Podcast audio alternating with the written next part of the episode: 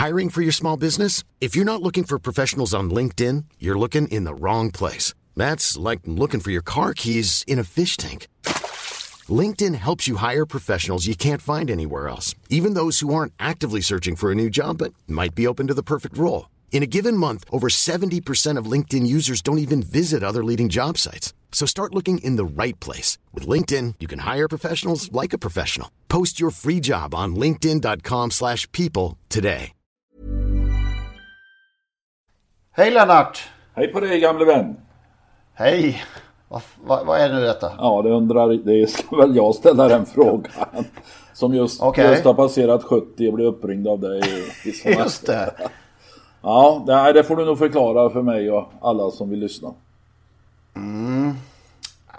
Vi, jag vet inte. Vi, vi kom väl på att vi tänker att det kanske trots allt.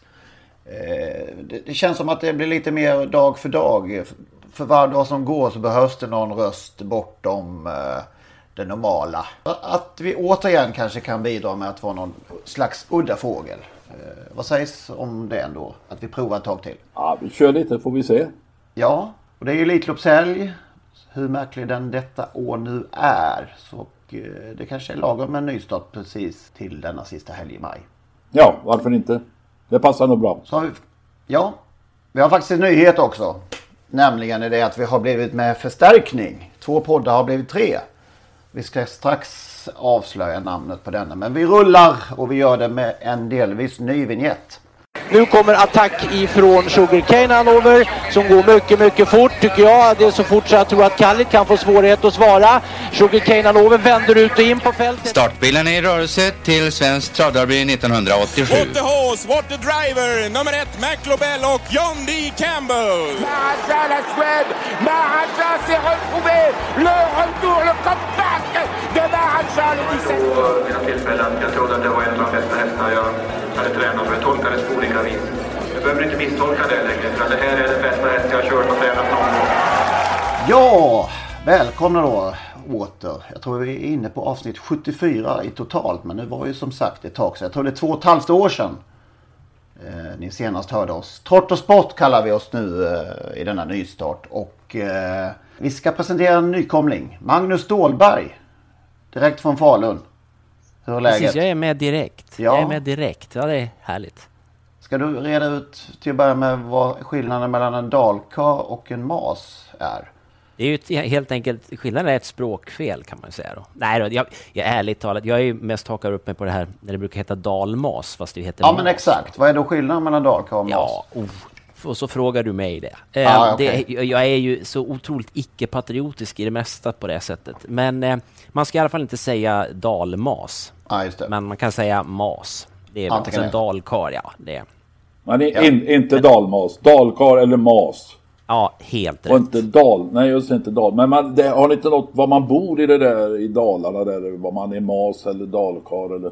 Det kanske vi, vi har ju något som heter rumpmas finns det ju. Just det. Eh, och då är man väl, eh, om jag nu är då någorlunda beläst här, så är väl det att man tillhör den södra delen av landskapet där, så att man hänger lite löst kanske. Men apropå dalkar. Så är Jim Frick en dalkar och dessutom en jävla hästkar. Och idag blev han invald i Hall of Fame. Och det tycker jag vi ska applådera eller i alla fall glädjas över. Verkligen. Jag såg det nyss. Ja, det var ju, det var väl på tiden om inte annat också. Nej, det, jag trodde han var invald måste jag erkänna, men det var ju fantastiskt att han är det nu då. Det är tio år sedan, eh, lite drygt, som den där ödesdigra kvällen på Solvalla. Eh, tiden går. Ja, Så att... Eh, jag, prat, ja, det var skönt. jag pratade faktiskt med Jim häromdagen. Han ringde upp mig när jag fyllde år. Nej, okej. Bara det. Bara det. Då, bara det är han värd platsen i Hall of Fame. ja, faktiskt. Vad... Eh, du som upplevde mer av Jim än mig och Magnus kanske, även om vi också hade vår beskärda del. Vad är, har du något favoritminne med Jim? Ja, de kan jag inte avslöja. Det är fullständigt ogörligt alltså. Men... Eh, eh, Det har det att göra med lördagkväll, eller fredag, ja lördag, vad var det? Lördagkvällar på, nej fredagkvällar på um, något hotell i Göteborg kanske? Ja, just det. Jo, det, det kan jag berätta. Det var eh, någon SM-dag på vi skulle äta där. Kacke Nilsson var med. Och eh, Kacke en finsmakare eh, och eh, Jim, eh, han, Kacke ville äta fisk och vi skulle gå på en fiskrestaurang och jag som bodde i Göteborg skulle vara värd för detta. Och vi hamnade på en fiskrestaurang. Det visade sig att Frick som då i alla fall var 40 år kanske, kanske mer, aldrig hade ätit fisk. Ja, fan, han är uppfödd vid Siljan och aldrig ätit fisk. Och så kom han dagen efter vi åt fisk och det var jätte... Alltså de som känner kacken han slickar sig om munnen under den där mustaschen, då är det gott va. Och vi... Vi eh, dagen efter så kom Frick fram till mig. Hur, hur fan? Jag mår jättebra. Jag har inte problem med magen idag. Den där jävla pommes fritesen var ju skönt att slippa. Ja, det var... Ja, det är otroligt alltså. Han kanske har ätit någon gång efter det då. Ja, förhoppningsvis. Ja. Nej, det var härligt. Och förutom då eh, Frick så var det Erik Berglöf och eh, hästen Moe Odin va? Moe Odin ja. Ja, Erik Berglöf det är också värde. Han har dubbla derbysegrar, dubbla Elitloppssegrar väl och storchampionatseger. Så han hör ju hemma där. Eh. Och sen en jäkel att stå på händer i alla fall var det innan han passerade 100 kilo. Just det gjorde han efter båda derbysegrarna stod han på, på händerna i vinnarcirkeln. Där, ja. På bådan av uh, Hans G Lindskog. Ja, var det väl. Förmodligen. Ja. ja. Yes, Magnus, vad, de som inte känner till dig, vad, vad har du för bakgrund? Min bakgrund är väl att jag för, och det, det här med tiden går. Eh, jag startade ju travnet.se eh, 1996 och eh, kom då in i, i travet på allvar. Jag har hållit på med det ändå i 35 år kanske. Men eh, så, jag skrev travnet, startade travnet och eh, det utvecklades och där, där höll jag på i några år. Och den ledande travsajten inledningsvis måste man ju säga. Ja, men så var det. Eh, och det var väldigt kul. Och jag kom in precis när, när allting var på väg upp. När, när man hade börjat blåsa upp hela internetbubblan där. Ja, just det. Så det var kul att, att, se alla förväntningar på allt möjligt. Men, men så var det. Kommer vi bli för lika nu då vi tre? Det händer ju att vi har samma uppfattning om sakers tillstånd. Hur, hur blir det för tråkigt det här? Ja, någon måste ju alltid byta, byta åsikt i så fall. Så är det ju. någon måste bli Gert Fylking. Jag var med i ett tv-program en gång i tiden. Det var, lades ner efter tre eh, episoder tror jag och jag var nog sämst av alla. Eh, men där ingick då Gert Fylking och han hade som, in, som ingångsvinkel där att man kunde, han kunde tänka sig att byta åsikt när som helst och vad som helst. Så att, väl, bara, någon får vara Gert. Bara, bara han fick betalt. Ja, så var han nöjd. Nej men vad vill vi då kunna vara i det här och bidra med i sporten, eh, travsporten anno 2020? Eh, vad ska vi säga? Vad vill vi bidra med? Lite nostalgi till att börja med kanske. Ja men det är jag bra på tror jag. ja, det är vi bra på alla Däremot har jag, är jag inte så bra på att se framåt. Nej, nej. Det är kanske Magnus här, han är en jävel att se framåt. Mm, det var ju det. Jo, nej men det måste man ju, nu blir det klyscha, men det måste man ju alltid göra. Men, men i travet är ju det blir en jättetrist replik här, men det, det, blir ju allt svårare att se framåt. Men det kanske vi kunde ändra på. Det ja. var väl en enkel grej att bara ta oss an och förändra allt. Sikta på det. Lite ödmjukt. Ja. Det kan inte vara så svårt, tänker jag. Nej. Uh, nej. Det får komma med lite, lite udda, lite egna instick i uh, debatten kanske. Det är ju bra. Min gamle vän Bernt mm. Salin som uh, var chef och ägde Dagens Spel och Travnet också en gång i tiden då. Han sa alltid om travsporten, det mesta är ogjort. Vad tänkte han på då? Nej, han tänkte, ja, precis som vi sa nu, det kan inte vara så svårt mm. att ändra eller se framåt, för det mesta är ogjort.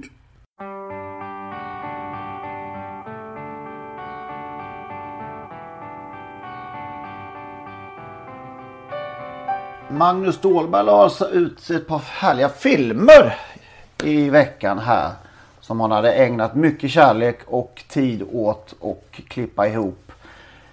Det är 20 år sedan nämligen sedan han visste. och Johansson är riktigt vass. Mer än kanske någonsin landskapsupplaga där tog hem Solvallas internationella Elitlopp. Det var filmer som gav lite rysningar inför 32 000 åskådare på, på Solvalla år 2000. Du har fått mycket eh, cred för dem där.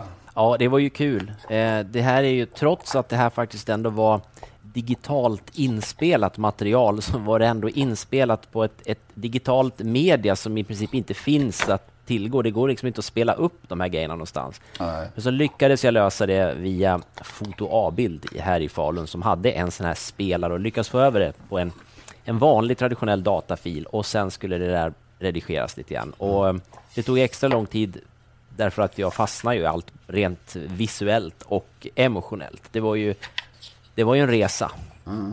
verkligen, bakåt. Och eh, det var ett material som, som faktiskt bara Victor Tillys skötare Malin Gustafsson hade sett tidigare, för hon fick en VHS-kassett inte alls långt efter den här söndagen då, eh, som hon fick att titta på. Och sen om hon har visat den för någon, det, det kan man ju i och för sig hoppas, men i övrigt är det, var det osett det allra mesta där. Så det ja. var väldigt kul att få, få ut det och sen har ju responsen varit jättepositiv. Det har varit jätteskoj.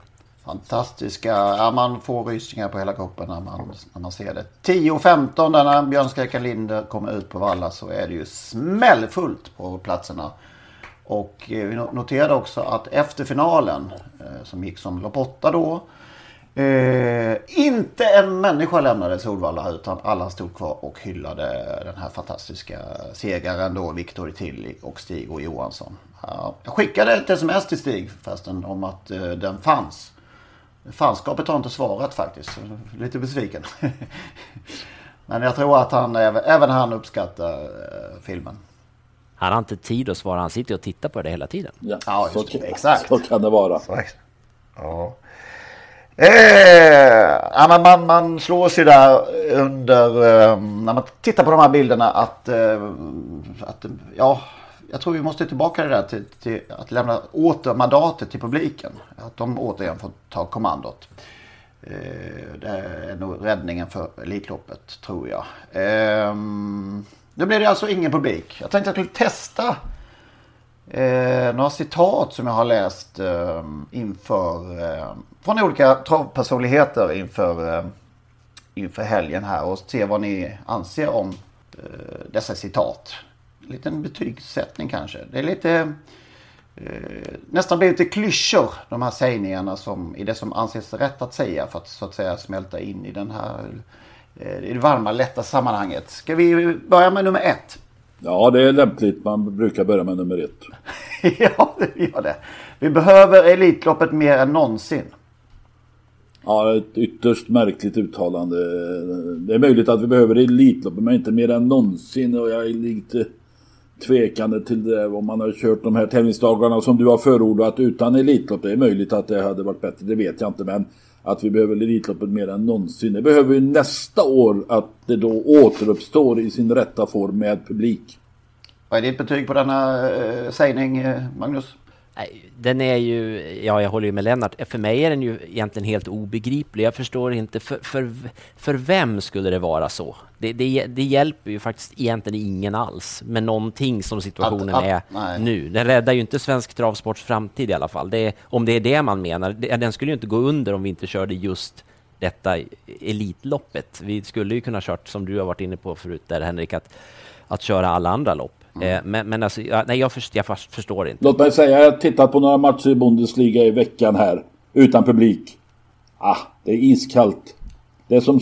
Ja, samma det är som här. Ja, jag fick ju besked idag om att allsvenskan går igång. Och uh, jag är ju som sagt en älskare av denna liga. Men jag, jag, det händer ingenting i min kropp om att den nu ska gå igång. Det spelar liksom ingen roll. Det, det är som kärlek utan kyssar.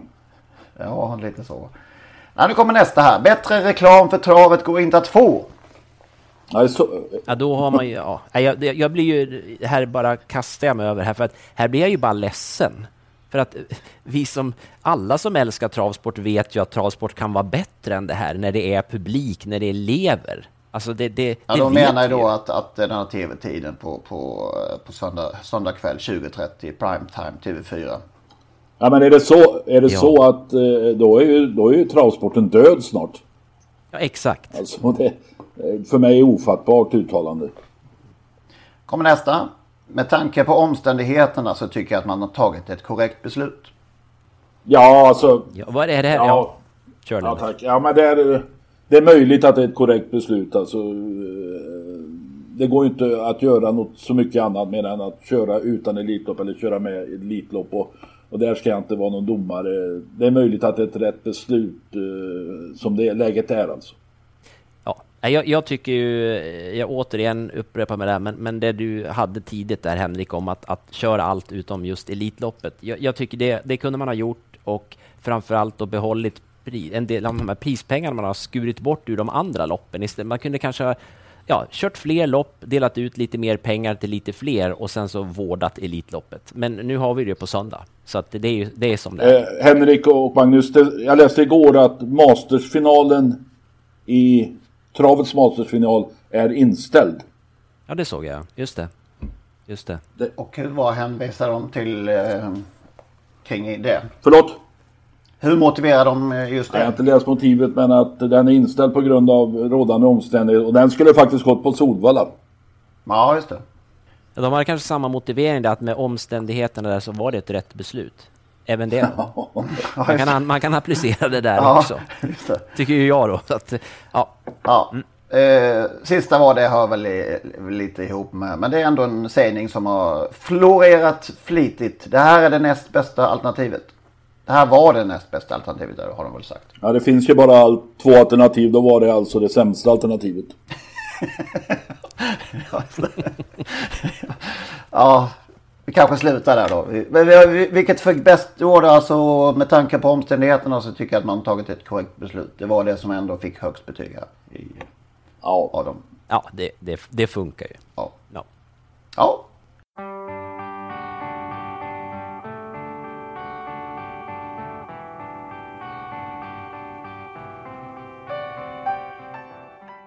Vem vinner Elitloppet på, på söndag här nu då? Förlåt? Vem vinner Elitloppet på söndag? Eh, du vet inte det alltså? Nej.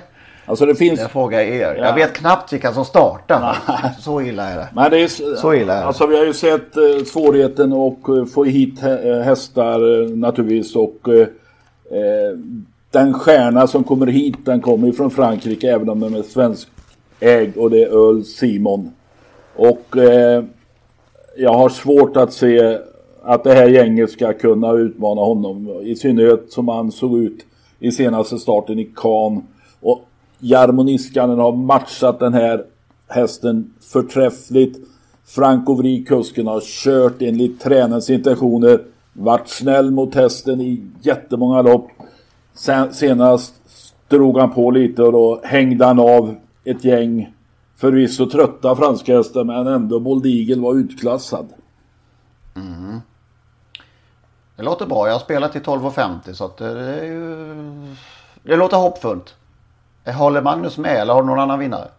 Ja, alltså jag, det rent eh, om, om hjärnan ska tala så är jag nog inne där på, på Lennarts linje. Men jag, jag har bestämt att i år, jag, jag, jag orkar inte ens analysera Elitloppet. För mig är det Propulsion. Jag vill att Propulsion ska vinna. Jag, jag ställer mig i, i, i det hörnet. Jag, jag har alltid tyckt så mycket om honom. Mm. Eh, problemet är väl att han kommer liksom aldrig in i det här loppet. Och jag vet inte hur han ska kunna göra det i år heller. Och, och rent generellt över sprinterdistans kommer han liksom inte riktigt in, men han går ju i princip alltid enormt fort till slut. Och, han har ändå vunnit ja. eh, Åbergs tre gånger över samma jo, distans. Jo, men det, det, är alldeles riktigt. Precis. Så, det, så han, han, han kan ju vinna. På något sätt just bara i Elitloppet kommer han liksom inte riktigt till. Men varför skulle han inte kunna göra det nu? Men ja, jag, jag vet väl, inte. Jag, jag det är klart att han har en sporta i försök. Men det är väl den sämsta upplagan med va? Eller? I försöken? Du menar? Ja, alltså, överhuvudtaget ja, det är klart som, att, som det, ja, det är klart att det är. Och det är alltså något liknande som väl var 1900 72 eller något när D'Artagnan för Lyon eh, kubbades om, om segern där. Och det var ju bara svenska hästar i finalen.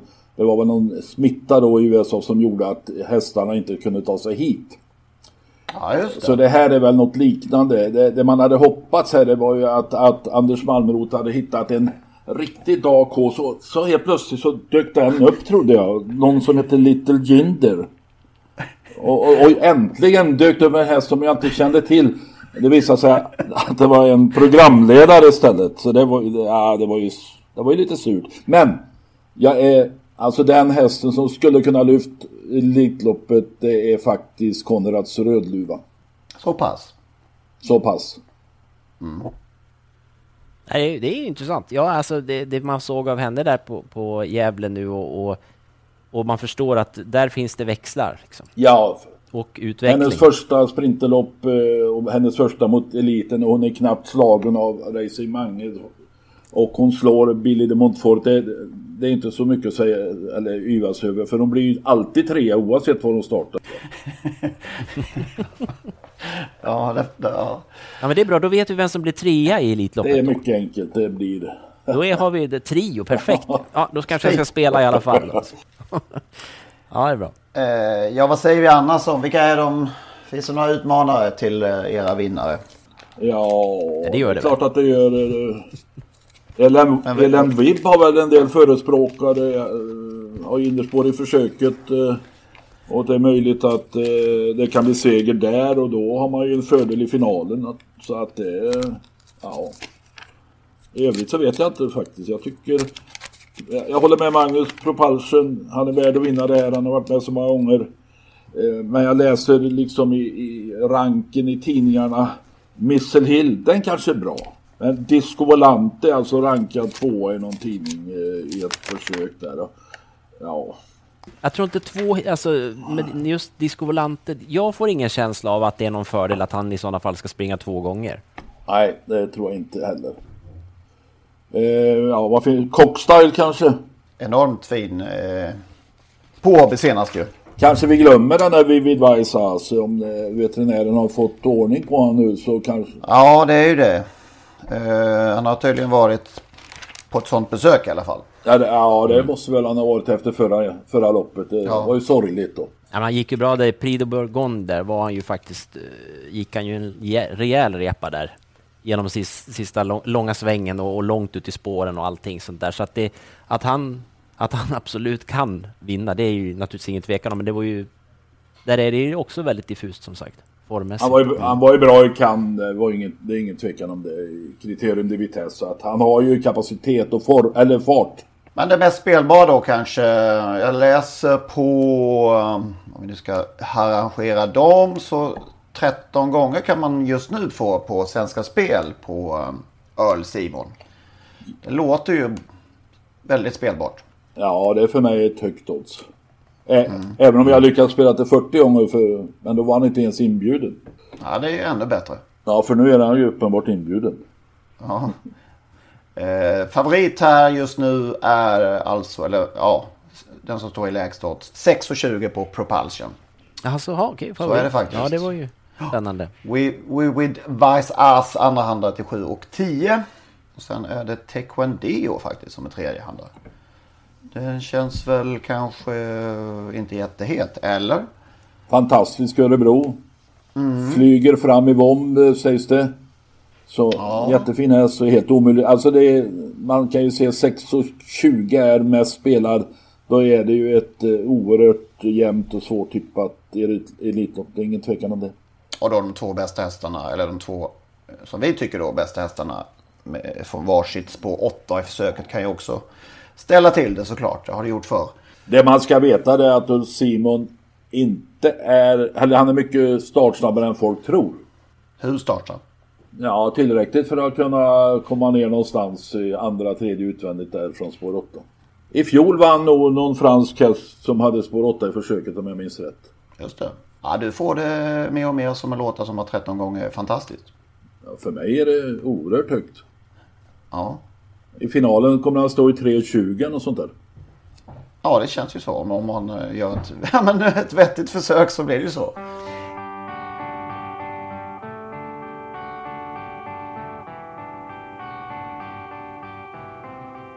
Ja, ska vi ta lite um, andra spelfunderingar alldeles mot slutet uh, i programmet. Jag tänkte jag, ska, jag vill jag vill dryfta en sak. Det ska vi ha som ämne tror jag. Eller som en punkt i podden. Att en, någon av oss dryftar ett ämne varje vecka.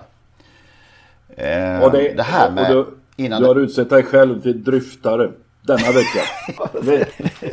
Dryftare nummer ett blir, blir eh, jag själv. Innan det försvinner helt ur eh, folks medvetande höll jag på att säga. Det, det, folk glömmer ju fort. Men det här med Gucciadoro-fallet då. Alla vet ju vad som har skett. Alla tar in att det vi såg på Örebro för några veckor sedan av den, den här aktuella lärlingen då är förfärligt och för jäkligt. Det, det, eh, så tycker vi allihopa ju. Men jag tycker samtidigt att det måste gå att hålla kanske två tankar i huvudet på något vis samtidigt. Ehm, om man eh, lyfter på någon sten ytterligare. Så om man bortser. Man måste ju ändå på, på något sätt titta på vad Gocciadoro har eh, hållit på med i Sverige. Det måste, det måste vara det vi bedömer på. Då har jag då kollat upp alltså på 80 lopp han har kört. De senaste 80 loppen i Sverige. Så har han utöver att, eh, det var ju en stökig historia igår, i fjol i Sweden Cup. Där nästan alla i loppet blev bestraffade för drivning. Men om man bortser från det har han två drivningsförseelser på de drygt 80 loppen eh, han har kört i Sverige det senaste året. Det är inte mycket va? Nej, det låter väl. Det är bara Tony Wallin och Stefan Söderqvist som klarar sådana eh, låga siffror. Ja, men något sånt har ju ingen orkat kolla upp såklart. Utan eh, man slår på den här gula italienaren som, eh, som eh, visserligen då har eh, stått för hemska drivningar i, i andra länder. Men eh, på något sätt återigen, jag tycker man måste titta på vad som har hänt i Sverige. Och att det då, man kanske kan rikta kritiken åt ett annat håll. Hur kan det efter alla dessa år fortfarande skilja så mycket i reglementen för de europeiska stora travländerna? Det är för mig en gåta. Ja, det där, det där har de ju kämpat eller försökt att få till stånd någon, någon eh, enhetlig linje men det har de ju aldrig lyckats med. Ja, och eh, vi, eh, Sverige kan ju inte döma för vad som har hänt i Italien eller Frankrike. Det är ju så vitt jag förstår omöjligt. Ja. Och nu dömer man då Gocciadore till ett... Eh, alltså det, där, det lärlingen gjorde i Örebro det är naturligtvis förkastligt. Men, Hemskt. men just den händelsen innebär då att eh, helt plötsligt var Gocciadori en, en, en, en, en dåre, en bov. Eh, och när, när du tar fram de här siffrorna så blir man ju nästan lite skrämd. Vad, vad, vad dömde de på? Alltså, han, han var inte ens inblandad, sen han ansvar för sin personal. Men om man har två drivningsförseelser på 80 starter. Eh, ja. Nej, den där domen, ja, nej, den där domen var ju, var, nu skulle jag haft den framför mig, eh, man skulle kunna citera den, den, den, den är ju, ja den blev ju, nu kan jag inte den juridiska termen vad den nu blev den här domen, men den, kom, den är ju definitivt inte definitiv i alla fall. Och det lär den ju inte bli i den form som den var, kan jag inte tänka mig. Det var ju så konstiga domskäl. ja, det var kanske det mest populistiska man har upplevt. Och de, domskäl, de domskälen kan de ju inte ändra nu. De, de domskälen gäller ju och det är ju de domskälen som nu överdomstolen eh, har att eh, rätta sig efter och bedöma efter. Och Ja. Då kommer de ju ändra på den domen naturligtvis och då, sen finns det ingen mer instans. Och då har åter ST satt sig i, i, i klistret och visat att de inte ska att de inte klarar av sådana uppdrag. Det är ju Nej, istället så, så för, för de som då själva har misslyckats med det här reglementsamordningen slår också då på det enkla målet. Ja, nej, det var eh, extremt populistiskt och besynnerligt. Ja, det får man ju säga. Som sagt, det är ju... eh, Alltså där, det här bedröm, berömda drevet gick ju verkligen där. Eh, det, det går ju inte att komma ifrån. Och, och STs, eh, som, som i, tv stod och sa, nu ska vi... Vi ska ju göra en samlad bedömning, vi ska inte ha för bråttom, vi ska ta tid på oss. Så Man skulle ju göra ett rejält arbete innan man kom med den här domen. Och så presenterar man dessa domskäl. På två, som man ju direkt, två dagar ja, var det ju. Ja, och som man direkt förstår att det, det är helt orimligt att döma utifrån sådana här domskäl. Alltså att det, det kan aldrig bli en realitet. Det, det, var ju det var för dåligt. Onödigt Och dåligt. det förstod alla utom STs ansvarsnämnd, det är jag övertygad om. Alla förstod när domen kom att det här kommer inte hålla, det här är åt skogen alltså. Och det är ju Ja, det är som exakt. du säger Henrik, det är populistiskt och de fick brott som fan, alltså det brann i röven på dem. För, för, att, för att tillfreds, tillfredsställa mobben och vi har alltså Martin Timell liknande, det brann. Eh, mobben gick bärsärkagång och eh, då är man tvungen att ta i med hårdhandskarna och, och så blir det fel. Istället för att ta det i lugn och ro, gå igenom vad som har hänt, vad har hänt tidigare. Kan, eh, ska vi straffa honom, eh, på vilka meriter ska vi straffa Gocciadore? Och så tog man i som satan alltså. Han fick dessutom för en, vad jag kan bedöma lägre eller en, en lindrigare förseelse än vad den som Kristoffer Eriksson i den här dopings, lite liknande dopinghistoria. Där fick han alltså dubbelt så hög, högt eh, bötesbelopp också jämfört med Kristoffer som, som eh, väl så allvarligt fall. Eh, och Kristoffer Eriksson är det ingen som har, har man varit med om någon gång som har smugit ut för något allvarligt eh, enklare än vad han har gjort. det är ingen som eh, yppat ord om, om man var, alltså jag tycker det var graverande eh, fall det där.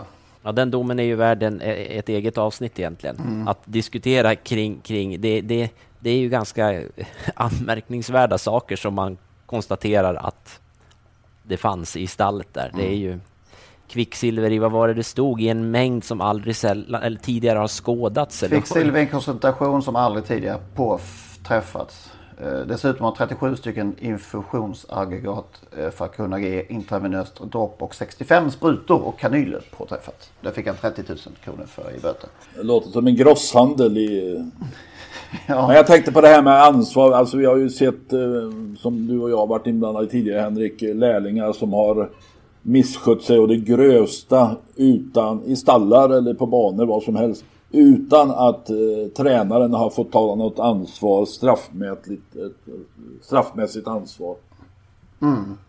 Nu, var, nu var det en lärling, italiensk lärling som utlöste hela expeditionen alltså det, och då small det utav bara den. Ja, jag vill eh, som sagt eh, ge ett lite annorlunda perspektiv.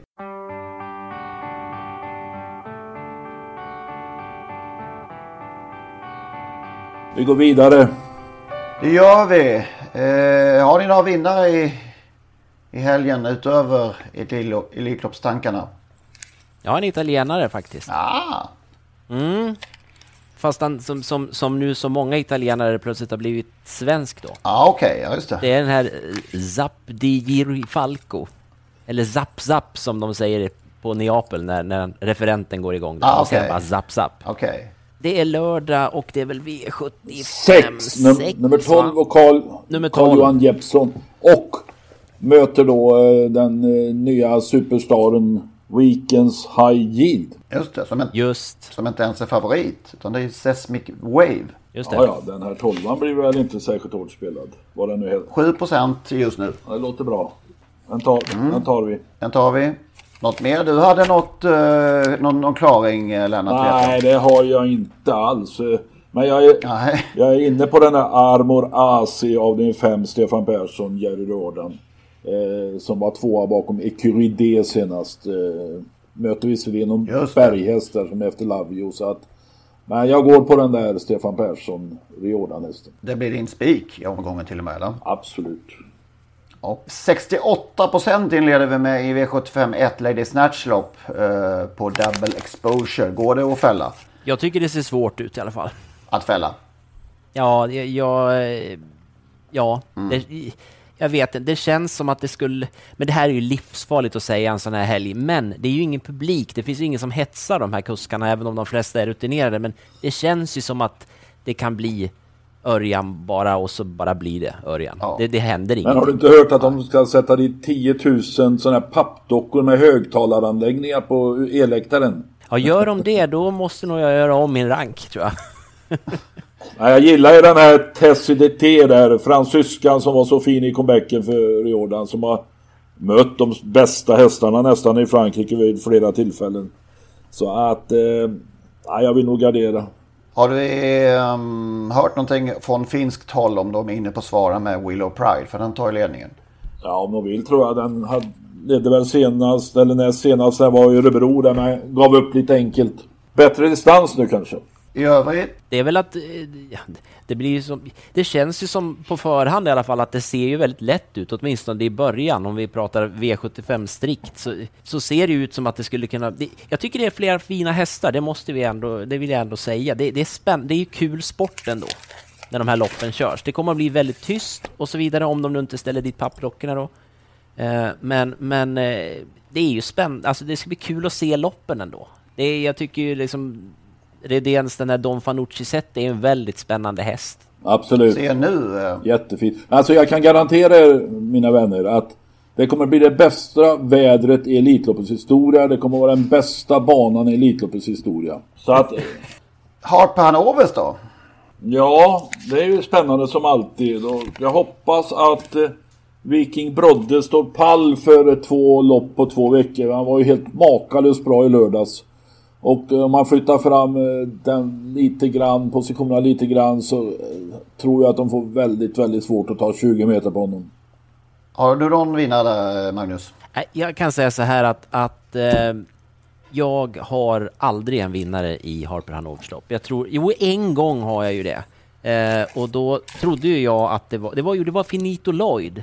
Och jag vet att jag långt mycket senare här nu tackade Anders Lindqvist på, på Twitter för att han vann med den, men det var inte han som körde då. Om jag nu minns rätt. Men Finito Lloyd, det är den enda vinnare jag någonsin har fått in i, i, i Harpers. Jag kan, jag kan dra det ännu längre. Jag har aldrig fått in en vinnare i ett 3 och 1 lopp överhuvudtaget. ja, det är hopplöst alltså. du står inte distans Nej, alltså. det gör jag inte.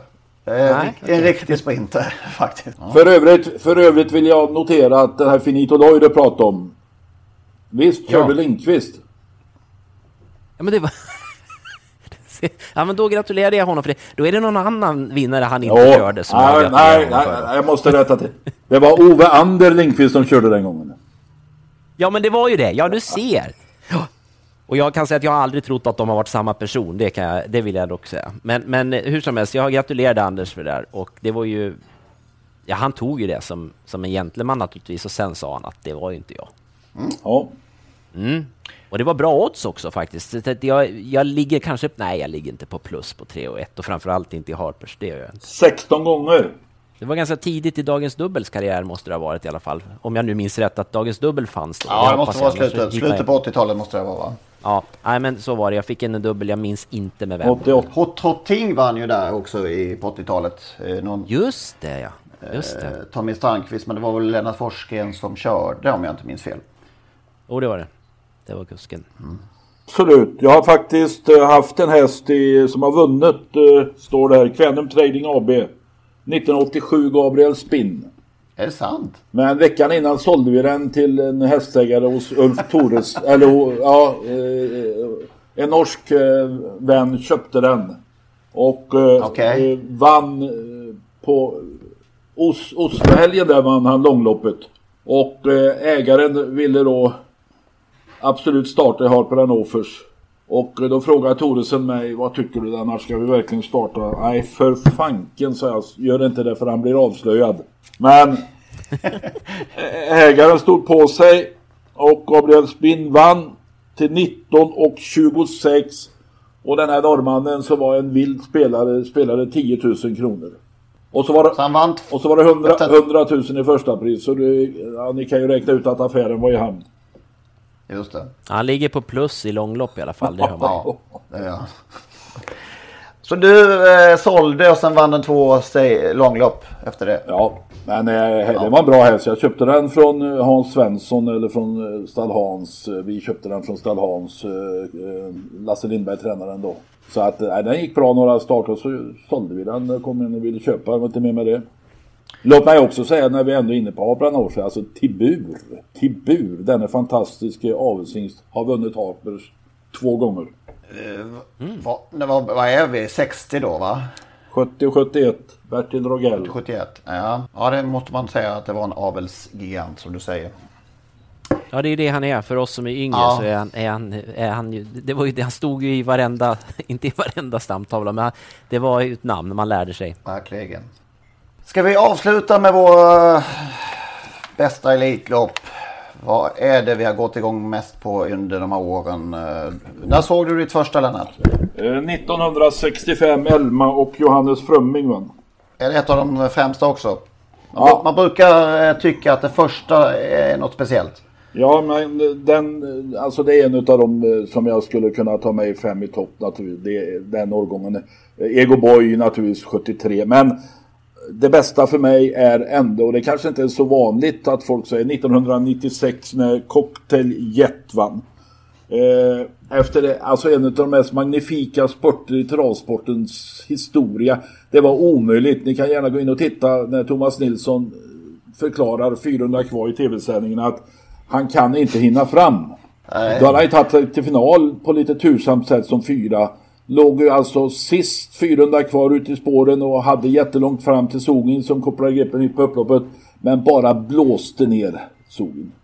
Och, När du säger sådär koppla grepp Sogin då, då påminner du mig att det är ett av de högsta vrål jag har hört på en travbana någonsin när Sogin kopplar grepp. För de, då, tycker man ju att det är klart. Liksom. Ja, men då, då kom den. Och, eh, Sogen var ju en fantastiskt populär häst och eh, hela Solvalla ville nog att Sogen skulle vinna. Och eh, det såg ju som sagt klart ut. Vilket vrål det var alltså. Ja. Men då kom ju kom. som sagt som du ja, säger Cocktail Och jag har ett minne därifrån för att eh, han vann ju Prix d'Amérique tidigare på året. Och då hade, träffade jag dess Roger Persson som var fotograf på Sveriges Television.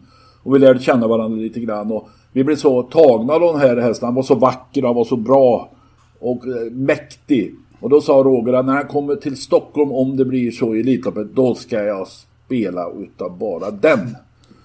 Ja. Samma dag födde eh, Rogers hustru eller sambo vad det nu var ett, ett, ett barn. Samma dag, alltså Elitloppsdagen.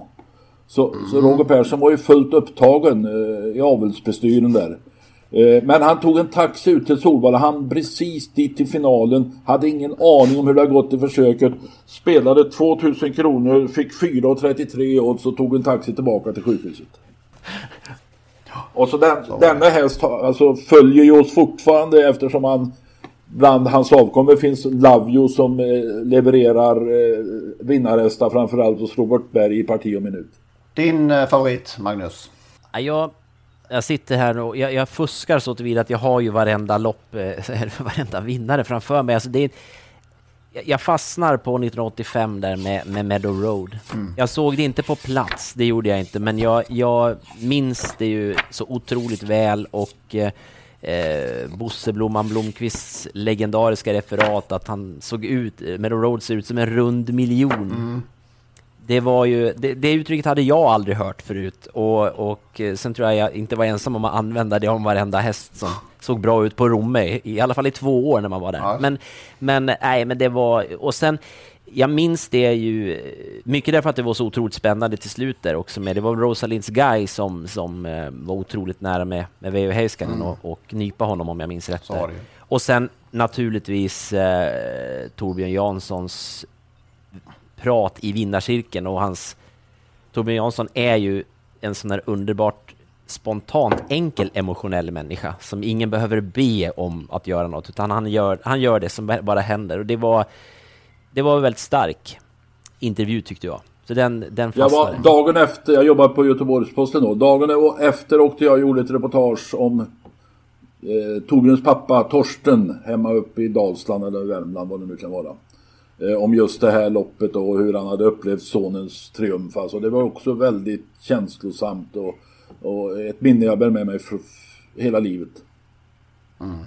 Jag har ju McLobell 88 och det är ju uttjatat kanske. Men om man ska ta något ytterligare så är det From Above-upplagan var ju fantastisk med Victor Tilly, Gide Palema och vad var det mer? Gisodelo och Reveny. Och att denna fantastiska Sutt-Sutt-son som eh, jag gillade skarpt eh, efter att ha vunnit både kriteriet, derbyt och sen som femåring Elitloppet. Det var ett äh, magnifikt Elitlopp också. I solen på Solvalla den söndagen.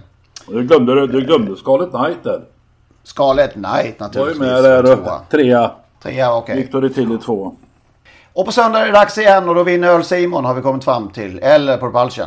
Så får vi... Ja, jag hoppas ju på Propulsion. Fast det är klart, ni blir ju, ni blir ju ekonomiskt oberoende va? Om Earl Simon Ja, det är något, något åt det. Det kanske jag kan ha någon nytta Något åt det hållet. Nej, jag hoppas verkligen att, att Propulsion får vinna. Ja. Jag tycker det skulle vara... Eh, annars då Earl Simon naturligtvis. Ja, då säger vi så. Hörs vi på tisdag igen. Ja, ha det gott. Ja. Trott och sport är tillbaka. Ja. Kul, kul. Hej. Hej, hej.